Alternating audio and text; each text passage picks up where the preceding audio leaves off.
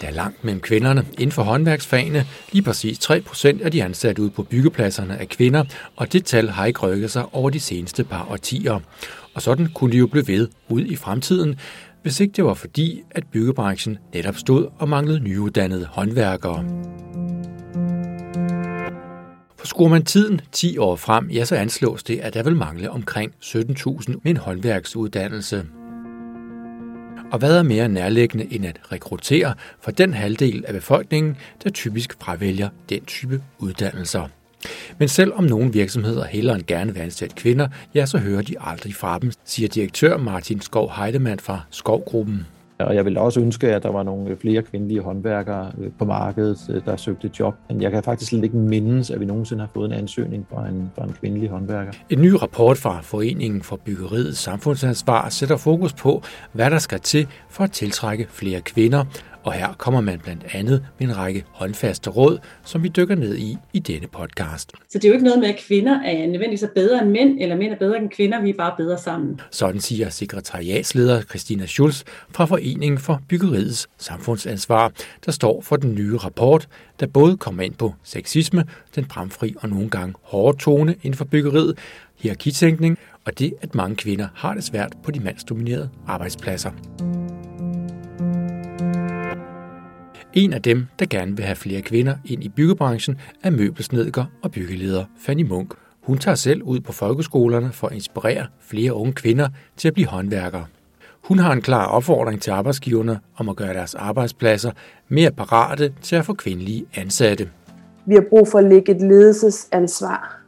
I leder kan virkelig være en del af at rykke den her branche, hvis det er, I tager fat i jeres egne virksomheder så prøver vi at tale om, hvad skal der til for at fastholde de kvinder, der er, og at flere kvinder søger hos jer. Senere i denne podcast hører vi også om et byggefirma, hvor næsten hver fjerde håndværker er en kvinde. Og vi taler med partneren i en arkitektvirksomhed, der bevidst er gået efter at hyre lige så mange mænd som kvinder. Og hvad betyder det så for hverdagen? Du lytter til byens podcast. Denne gang gør vi dig klogere på, hvordan byggeriet får tag i både kvinder som mænd.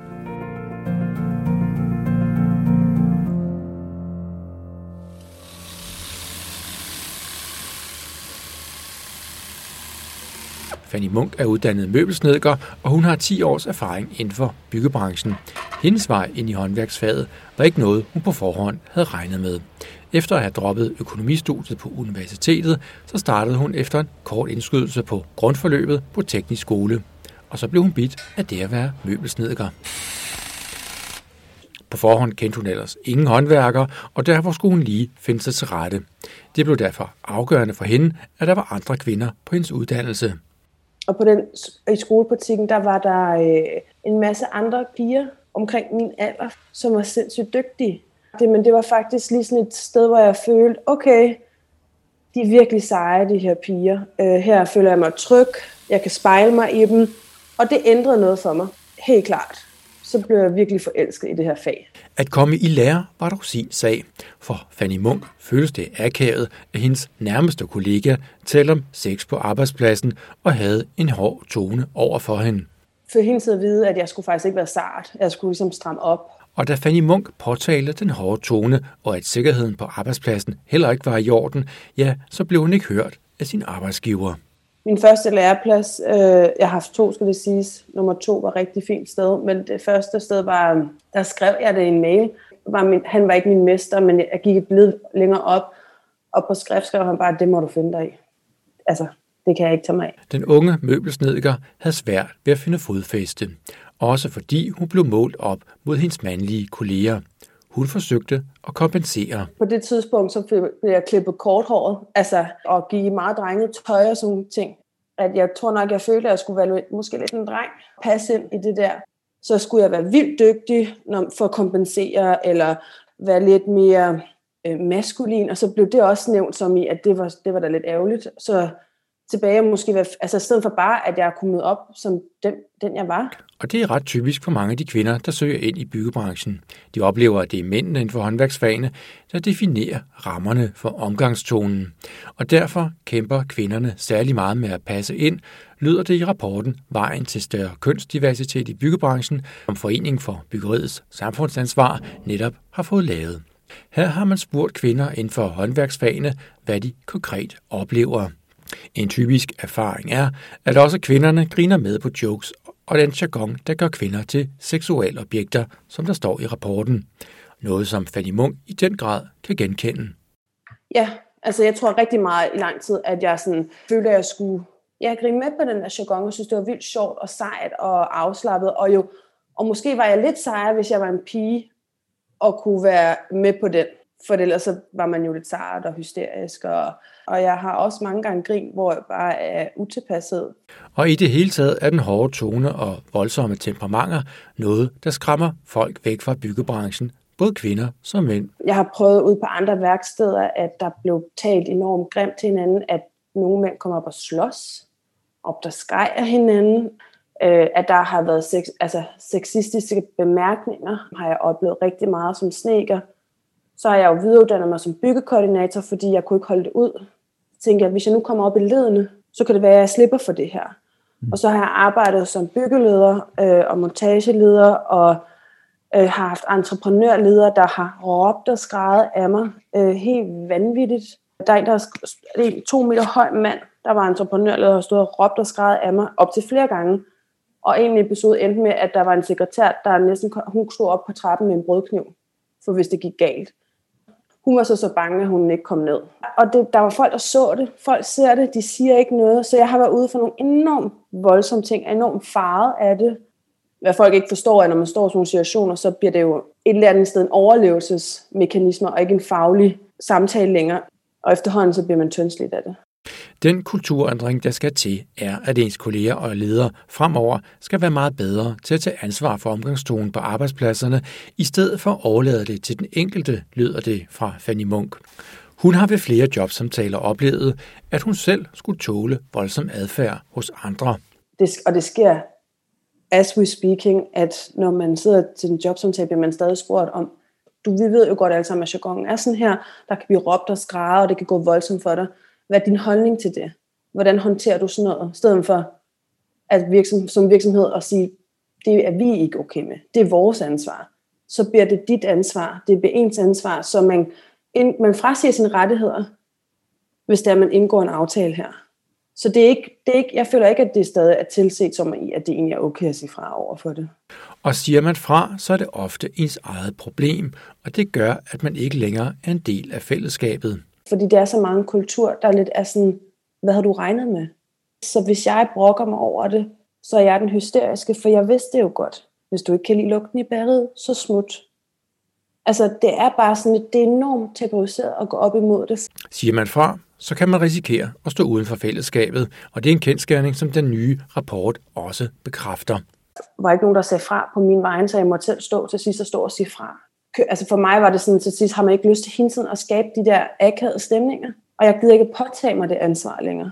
At jeg hele tiden skal i rette sætte voksne folk til at opføre sig ordentligt. Det, det kan jeg ikke bruge min arbejdstid på. Altså det vil jeg, jeg vil bruge den på noget faglighed.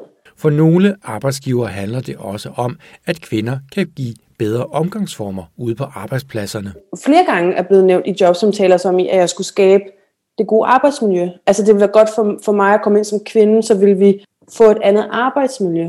Jeg kunne lette stemningen lidt. Ja, så enten så spiller man ligesom ind i det, eller så spiller man ind i, at jeg er rigtig tof. Det at påtale forholdene på hendes arbejdspladser har også kostet for Fanny Munk. Hun stikker ud, fordi hun gerne vil forandringerne. Det er jo også grænseoverskridende for mig at fortælle om de her ting, for jeg ved godt, at folk vil dømme mig for det. Men jeg føler også, at kvinder må være sådan, okay, jeg bliver også nødt til virkelig lige sådan at sige til en jobsamtale eller til min chef og sige, jeg synes faktisk ikke, det er okay, når vi taler sådan her. Sig fra. Gå til din ledelse og sige, det er faktisk ikke okay. Hvis din leder spørger dig, hvordan har du det, så vær ærlig stedet for. Fordi vi har svært ved at bryde med den her pæne pige. Og det med at søge videre er noget, som Christina Schulz kan genkende. Som sekretariatsleder i Foreningen for Byggeriets Samfundsansvar har hun været med til at definere rapporten om at få flere kvinder ind i byggebranchen. Hun peger på, at den ærlige tone nogle gange bliver for rå. Øh, for mange af dem søger den også og siger, at vi kan godt lide, at der er en, en ærlig tone, kan man sige, og ikke så meget fnider og så videre, som der måske kan være på de mere kvindedominerede arbejdspladser. Men samtidig er der også en fin balance mellem, hvornår bliver den hårde tone til den lummertone, eller bliver så hård, at man faktisk tager det ind. Og det er sådan set ligegyldigt, om du er mand eller kvinde. Øh, vi har også hørt flere eksempler på mænd, der ikke har lyst til at gå ind i branchen på grund af den tone. For kvinderne i branchen kræver det nogle særlige måder at klare sig på. Enten så, så bliver du lidt one of the boys og spiller med og kører jargonen, øh, ellers så øh, melder du ud og siger fra, så får du en ret ensom rejse i branchen, for så kommer du til at stå meget alene uden for fællesskabet, fordi det er det, der i høj grad definerer fællesskabet i branchen. Så er der nogen, der vælger at gå helt deres egne veje og søge nogle virksomheder, der har nogle andre idealer eller starte deres eget. Og strategien med at blive selvstændig og på den måde komme videre, har Fanny Munk forfulgt. I dag driver hun sin egen byggeledervirksomhed. Fanny Munk mener, at arbejdsgiverne har nogle særlige opgaver for at få flere kvinder til at søge ansættelse. Hun agerer derfor som ambassadør for at ændre forholdene for kvinderne inden for byggeriet. Vi har brug for at lægge et ledelsesansvar. I leder kan virkelig være en del af at rykke den her branche, hvis det er, I tager fat i jeres egne virksomheder. Så prøver vi at tale om, hvad skal der til for at fastholde de kvinder, der er, og at flere kvinder søger hos jer. Fanny Munk sætter som hendes opgave at få flere kvinder til første omgang at vælge håndværksfagene, og det gør hun gennem netværket Boss Ladies. Det er et projekt under foreningen Divers, der vil skabe bedre vilkår for, at erhvervsuddannelserne også tiltrækker flere kvinder. Ambassadørerne tager derfor ud på folkeskolerne og taler målrettet til de unge kvinder. Øh, så vi prøver ligesom at fortælle nogle gode ting omkring erhvervs, øh, erhvervsuddannelserne, og hvorfor det her fag er spændende, for fagene er jo super spændende og super fede. Prøv ligesom at nedbryde de her fordomme og stereotyper, der måske er lidt inden for branchen og sådan noget. Og så prøver vi at se, om vi kan give dem et praktikophold, så de kan prøve det lidt ad sammen i en gruppe og der er brug for et bredere felt, der søger ind i byggeriet, for der bliver ikke uddannet nok, og derfor skal byggefirmaer selv i gang med at skabe bedre forhold for begge køn. Sådan lyder det fra Martin Skov Heidemann, direktør i Skovgruppen. Hele branchen taler om, at vi gerne vil have flere piger ind i branchen. Altså vi, kommer, vi kan jo se, at vi kommer til at mangle håndværkere. Så alternativet er jo, at så bliver det udenlandsk arbejdskraft, som kommer. Ikke fordi jeg har noget imod det, men så er der bare noget kultur, der går, der går tabt. Øh, og øh, vi laver utrolig mange renoveringsopgaver hos os, og der er der altså en forudsætning, at du kan tale sproget fejlfrit, når du skal ind og arbejde i en børnehave, eller på et hospital, eller på en skole. Martin Skov Heidemann har selv engageret sig i sagen ved at blive ambassadør for Foreningen for Byggeriets Samfundsansvar, der i årene fremover vil sætte særlig fokus på udfordringer med at få flere kvinder ind. Hos Skovgruppen er 3 ud af 30 lærlinge i dag kvinder. Knap 5 procent af de alt 150 medarbejdere i hele virksomheden af kvinder, men der måtte gerne være flere. Der er sket et holdningsskifte hos Martin Skov Heidemann om, hvordan han vil give kvinderne gode muligheder for at blive i virksomheden. Tidligere, der har jeg haft fat i hver enkelt kvindelig lærling og sige til dem, her, der skal du ikke finde dig i noget som helst. Øh, og hvis du oplever noget som helst, så skal jeg have det at vide med det samme, fordi det vil vi ikke finde os i. Sådan har det været før nu har vi tre lærlinge, og øh, faktisk afledt af det her arbejde, som vi laver i byggeriet samfundsansvar, så, så tænker jeg på, ej, nu går det altså ikke længere. Nu skal det ikke være en håndholdt opgave, det her. Nu er vi simpelthen nødt til at lave en politik om takt af tone på vores byggepladser, sådan generelt omkring, hvordan vi vil være rummelige.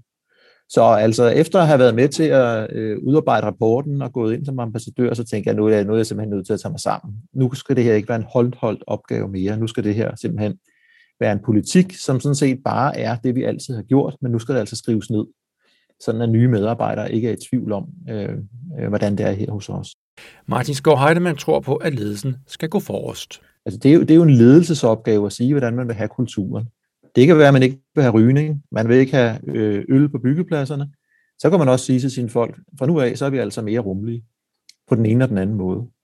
Efter at Martin Skov Heidemann har læst den nye rapport, ja, så fik han noget at tænke over. Det skal ikke være sådan, at man bliver ansat som pige i en virksomhed, at man bliver advaret mod kulturen af ledelsen. Det skal selvfølgelig være sådan, ledelsen siger til medarbejderne, her i virksomheden, der vil vi have det sådan her. Altså, jeg synes, der var mange oplagte pointer, og det var der nærmest sådan helt ja, pinligt, at, at man skulle igennem den rapport, øh, før man blev klar over, at det går ikke, det der. Og så skal der arbejdes med at gøre skurvognene og værkstederne til rare steder for alle. For nogle år siden, der havde vi en af de kvindelige lærlinge, hun øh, gik på værkstedet. Hun var værkstedsnækker. Og inden hun kom, så var jeg over at sige til dem, nu går de der øh, plakater med pin-up-pigerne, nu skal de væk. Det gider vi ikke at se her, når hun kommer. Øh, og så har de ikke været der siden. Men jeg vil da godt indrømme, at jeg har ikke været ude på byggepladserne og sige det samme.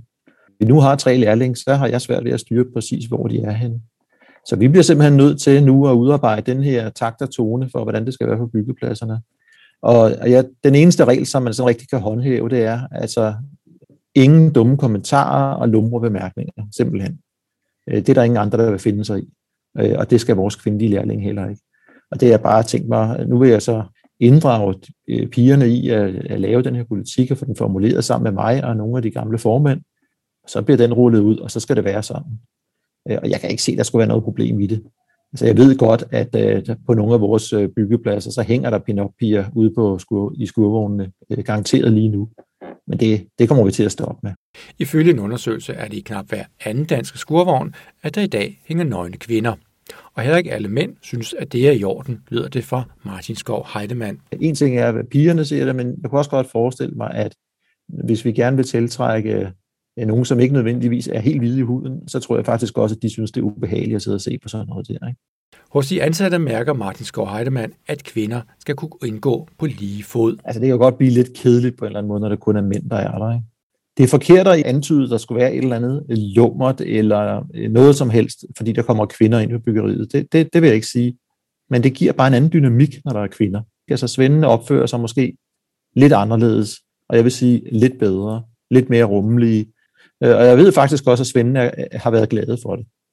Og når håndværkere kommer med seksuelle hensynninger til kvindelige kolleger, ja, så skal det påtales, lyder det for direktøren for Skovgruppen. Øh, jeg tvivler på, at, øh, at nogle håndværkere i virkeligheden mener noget ondt, hvis de kommer med en, med en dum kommentar. Men de skal have det at vide, at det gider vi ikke at høre på. Så må man få en eller anden form for en advarsel, og hvis det bliver ved, så må det få en eller anden konsekvens. Jeg tror bare ikke, det bliver nødvendigt, for jeg tror faktisk godt, de er klar over det. Og ser vi på tallene, ja, så er det inden for malerfaget, at kvinderne for alvor er kommet til i de seneste år, lyder det fra sekretariatsleder Christina Schulz fra Foreningen for Byggeriets Samfundsansvar. Nu kan man se, at langt størstedelen af de kvinder, der er der, der er jo ikke mange, der er 9 procent i alt. Langt størstedelen af dem, de sidder i kontorjobs. Det er 73 procent eller sådan noget. Der er, der er 3 procent, der er håndværkere af de 9 procent kvinder, der er i branchen. Og 30 procent er malere. Så det er meget få, der er i de andre kategorier. Den lave andel af kvindelige håndværkere harmonerer dårligt med ligestillingen i det øvrige samfund, siger Christina Schulz. Ja, altså i Danmark har jo et af de mest kønsopdelte arbejdsmarkeder i EU, hvilket jeg undrer mig over, når man tænker på, at vi egentlig ser os selv som en forholdsvis ligestillet land på mange områder, at vi er så opdelt i køn og hvor vi arbejder henne. Øhm, og så er der en masse forskning, der faktisk også understøtter, at diversitet er godt på arbejdsmarkedet. Jo mere blandet du er, jo bedre performer du faktisk også jo bedre resultater skaber du. Allerede for to år siden har Byggeriets Kvinderåd set på udfordringerne, og derfor satte Foreningen for Byggeriets Samfundsansvar sig til at afdække ligestillingsforholdene. Det er blevet til rapporten Vejen til større kønsdiversitet, der så udkommer den 8. marts, kvindernes kampdag. Og i rapporten tales der både med kvinder som mænd, blandt for eksempel lærlinge, håndværkere og arbejdsgivere, samt akademikerne inden for branchen. Ifølge rapporten kan det lykkes at få flere kvinder ind, det er typisk en ledelsesmæssig opgave. Og mange af de øh, mænd, vi har talt med, også lederne, er også blevet opmærksom på, at øh, de har måske tænkt, at vi behandler der vores medarbejdere ens, og det er fint, men hvor de har sagt, at vi har måske været blind for den her problemstilling. At det er, vi har jo alle sammen vores bias og, og handler ud for det køn og den virkelighed, vi hver især lever i. Så det kan nogle gange være svært at stille sig i den anden sko og forstå, hvordan den tone og nøgenplakaterne op på væggen, og de lummer kommentarer påvirker kvinderne, som er i branchen, fordi det er ikke noget, der påvirker mændene på den måde. Og så er der de fasttømrede forestillinger om, hvad der gør en god håndværker. Det handler ofte om råstyrke. Det er også noget med, hvad er det for nogle billeder, øh, man har af det at være håndværker. Skal du være fysisk stærk for at være håndværker? Der er nogle vane, vanetænkninger omkring det, som vi, vi skal have, have brudt med. Der er ret mange hjælpemidler i dag ude på byggepladserne, som gør, at du godt kan være der som kvinde. Der er også mange forskellige typer jobs inden for byggesektoren. For Christina Schulz handler det om, at selve grundfortællingen om, hvad håndværksfagene indeholder, skal revideres. Vi har hele tiden talt om, at vi skal skabe en ny fortælling for byggeriet, og det er også rigtig vigtigt selvfølgelig for at sige, at det er et rigtig spændende sted at arbejde. Du bygger noget, der bliver stående for eftertiden og sætter et markant aftryk. Men hvis vi kun kigger på fortællingen og ikke på man sige, indholdet, kulturen, og får tilpasset den, så den også rummer kvinder, så kommer vi bare ikke det skridt videre. Og her kommer man heller ikke udenom de seksuelle krænkelser, som kvinderne inden for byggeriet oplever. Christina Schulz vil gerne have, at kvinderne bidrog med deres oplevelser. Ja, da hele MeToo-debatten den startede i efteråret, der kiggede vi lidt på hinanden og sagde, hvem tager den for byggebranchen? Øh, for der var ikke rigtig nogen, der tog den op på det tidspunkt, kunne fornemme af sådan de større organisationer. Så vi endte faktisk med at starte en, en indsamling af vidnesbyrd, som skulle gå på tværs af værdikæden. Og kampagnen gav 20 vidnesbyrd, det omhandlede alt fra lumre bemærkninger og fysiske berøringer til klaskerøven og chikanerier. Hvad der undrede Christina Schulz er, at der ikke var flere udsagn. Måske var det ikke noget bredt nok ud, siger hun, eller måske holder mange sig tilbage, selvom de vidnesbyrd, der er kommet ind, er anonyme. Og så har vi jo kørt nogle fokusgrupper i, i, i forbindelse med rapporten, hvor vi har også har talt med nogle af dem, og mange har også sagt, at man har ikke lyst til at stille sig frem. Kvinder er jo så få i branchen, så, så man er bange for, hvad det betyder for en selv, hvis man stiller sig frem og fortæller sin historie. Øh, og det kan man jo også se i nogle af de andre MeToo-debatter, hvordan det man som offer er blevet hængt ud. En undersøgelse blandt Malerforbundets medlemmer fra efteråret 2020 viser, at 40 procent af medlemmerne har været udsat for seksuelle krænkelser. 375 kvinder og 256 mænd deltog i undersøgelsen, og ser man på tallet for kvinderne alene, ja, så har 55,5 procent været udsat for krænkelser eller decideret sexchikane på jobbet. Ofte sker det fra en kollega, en anden håndværker, men også fra mestre og kunder. Og for at ændre virkeligheden er det derfor ens kollega, der kan gøre en stor forskel, siger Christina Schulz. Mm. Øh, men jeg håber, at vi kan nå dertil, hvor vi finder får en kultur, som er inkluderende, hvor alle føler sig tilpas og set, og hvor vi også får det store øh, tavse flertal, som vi lidt kalder det, de andre medarbejdere til at forstå, hvornår at de kan være med til at sige fra, hvis de oplever grænseoverskridende adfærd fra en medarbejder, så det netop ikke er den enkelte kvinde, der alene skal sige, det her, det følger jeg vores stregen, øh, men der er nogen, der hjælper med at sige fra, hvis man når dertil. Der er byggevirksomheder, hvor det at være kvinde ikke er noget usædvanligt. Sådan er det i den københavnske entreprenørvirksomhed Logik og Co., hvor Bodil Sine Vettele er ansat. Hun er uddannet snedker. Minus har kun været i én virksomhed. Det er Logik og Co., som i, i deres øh, 20 år, de har været her, altid har haft nogle kvinder. Så, så jeg var for eksempel ikke den første kvinde i Logik og Co., som helt sikkert har været med til at gøre det lettere for mig, end for nogle andre kvinder, der starter og ligesom skal tage den der fra scratch, eller sådan, det har jeg ikke skulle, og, og jeg er stadigvæk i Logik og K, og hvor vi nu er mange kvinder, og det er rigtig fedt. For i dag er der knap 25 procent kvinder i virksomheden, der også gør en dyd ud af, at alle får det samme i løn, uanset køn eller baggrund. Bodil Signe Vettel tror på, at det gør en forskel, når der er andre kvinder på arbejdspladsen. Det er jo også et stort problem, at mange kvinder forsvinder ud af byggebranchen igen, at de ikke bliver hængende, og der tror jeg, at det at vi nu har opbygget, at vi er flere i logik, og at selvom en stopper, så er der, eller sådan, det tror jeg kan, være, kan, kan gøre, at vi fastholder hinanden. Det betyder noget, at, at vi er flere. Det gør det helt sikkert. Hun oplever i hverdagen ikke nedladende bemærkninger eller seksuel chikane. Hun fremhæver, at der på arbejdspladsen er en tone, hvor alle kan være med.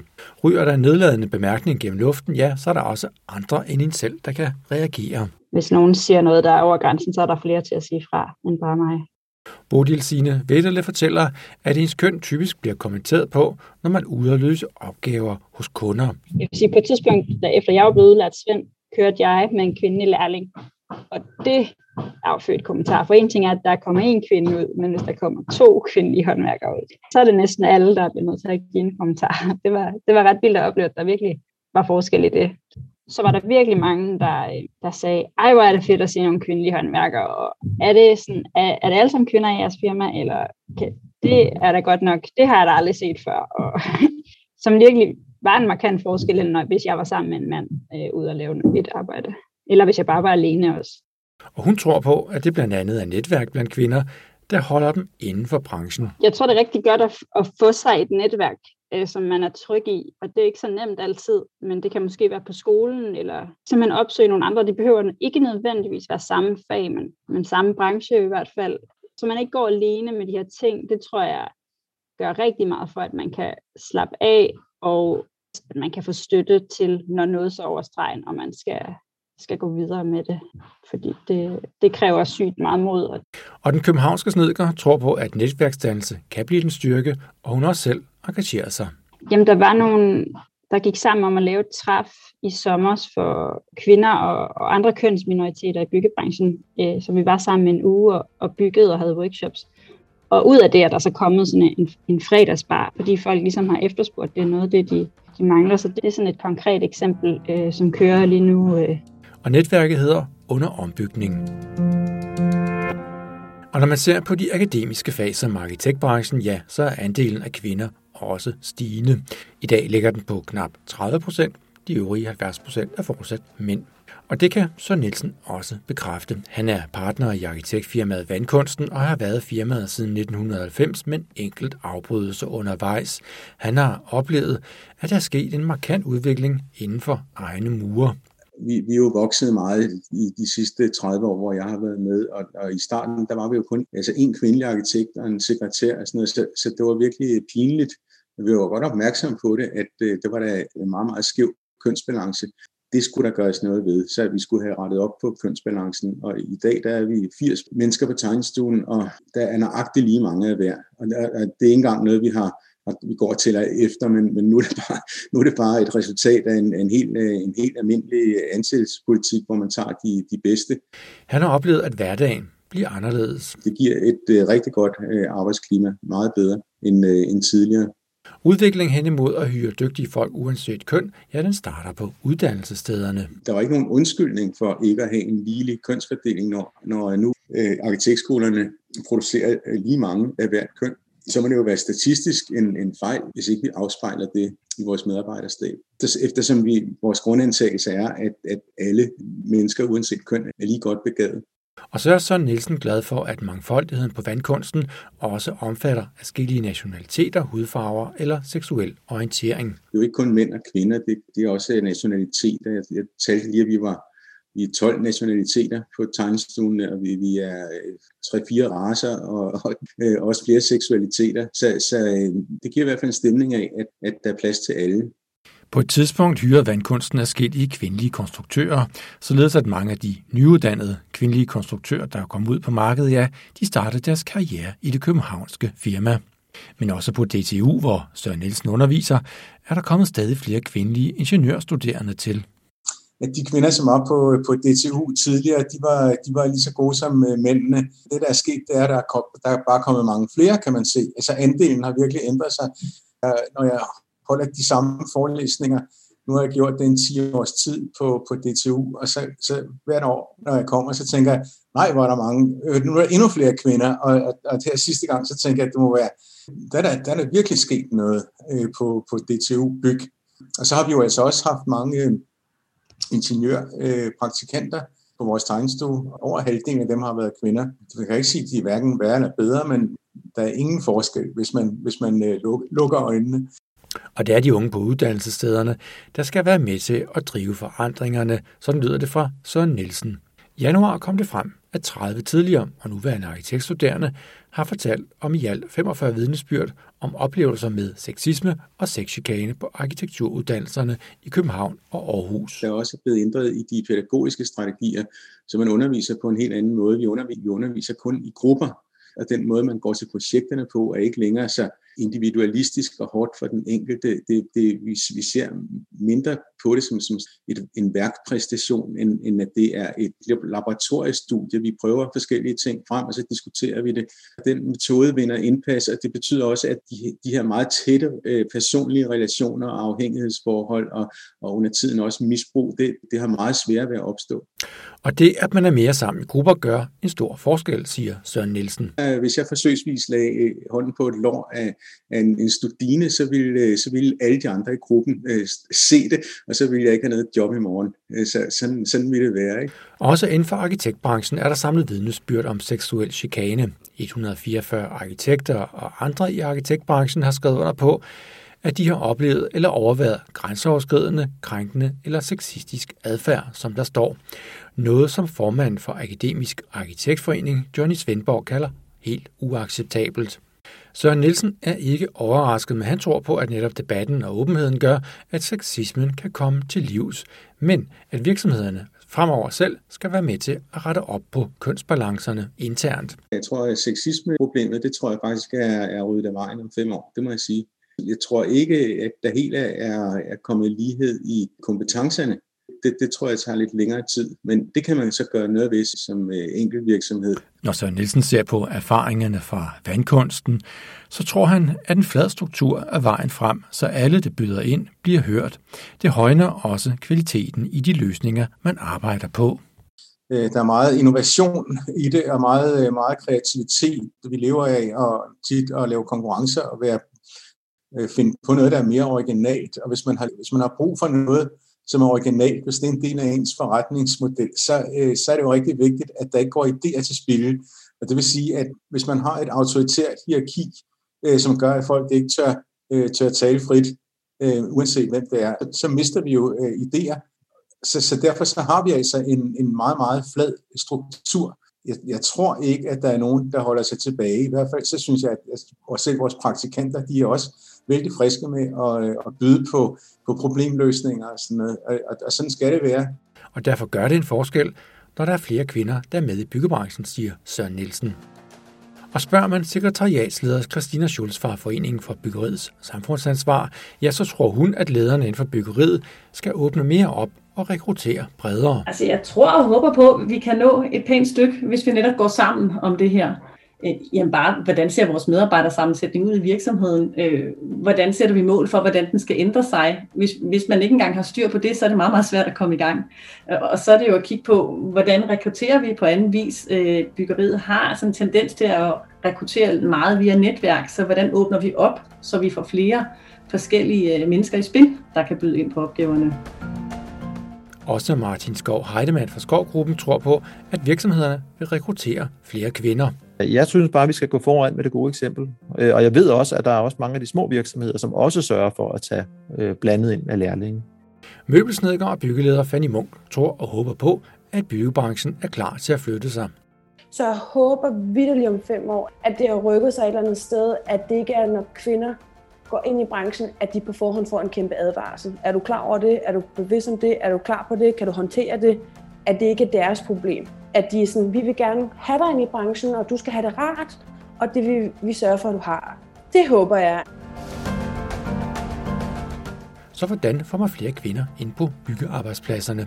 Ja, Foreningen for Byggeriets Samfundsansvar har en række kort formulerede anbefalinger. Find dem på www.byggerietssamfundsansvar.dk. Denne udsendelse er tilrettelagt af Lisbeth Fibiger, og mit navn er Lasse Sol Sunde. Og husk, kan du lide, hvad du hører, ja, så del det med dit netværk. Alle kan høre med, og vi høres ved.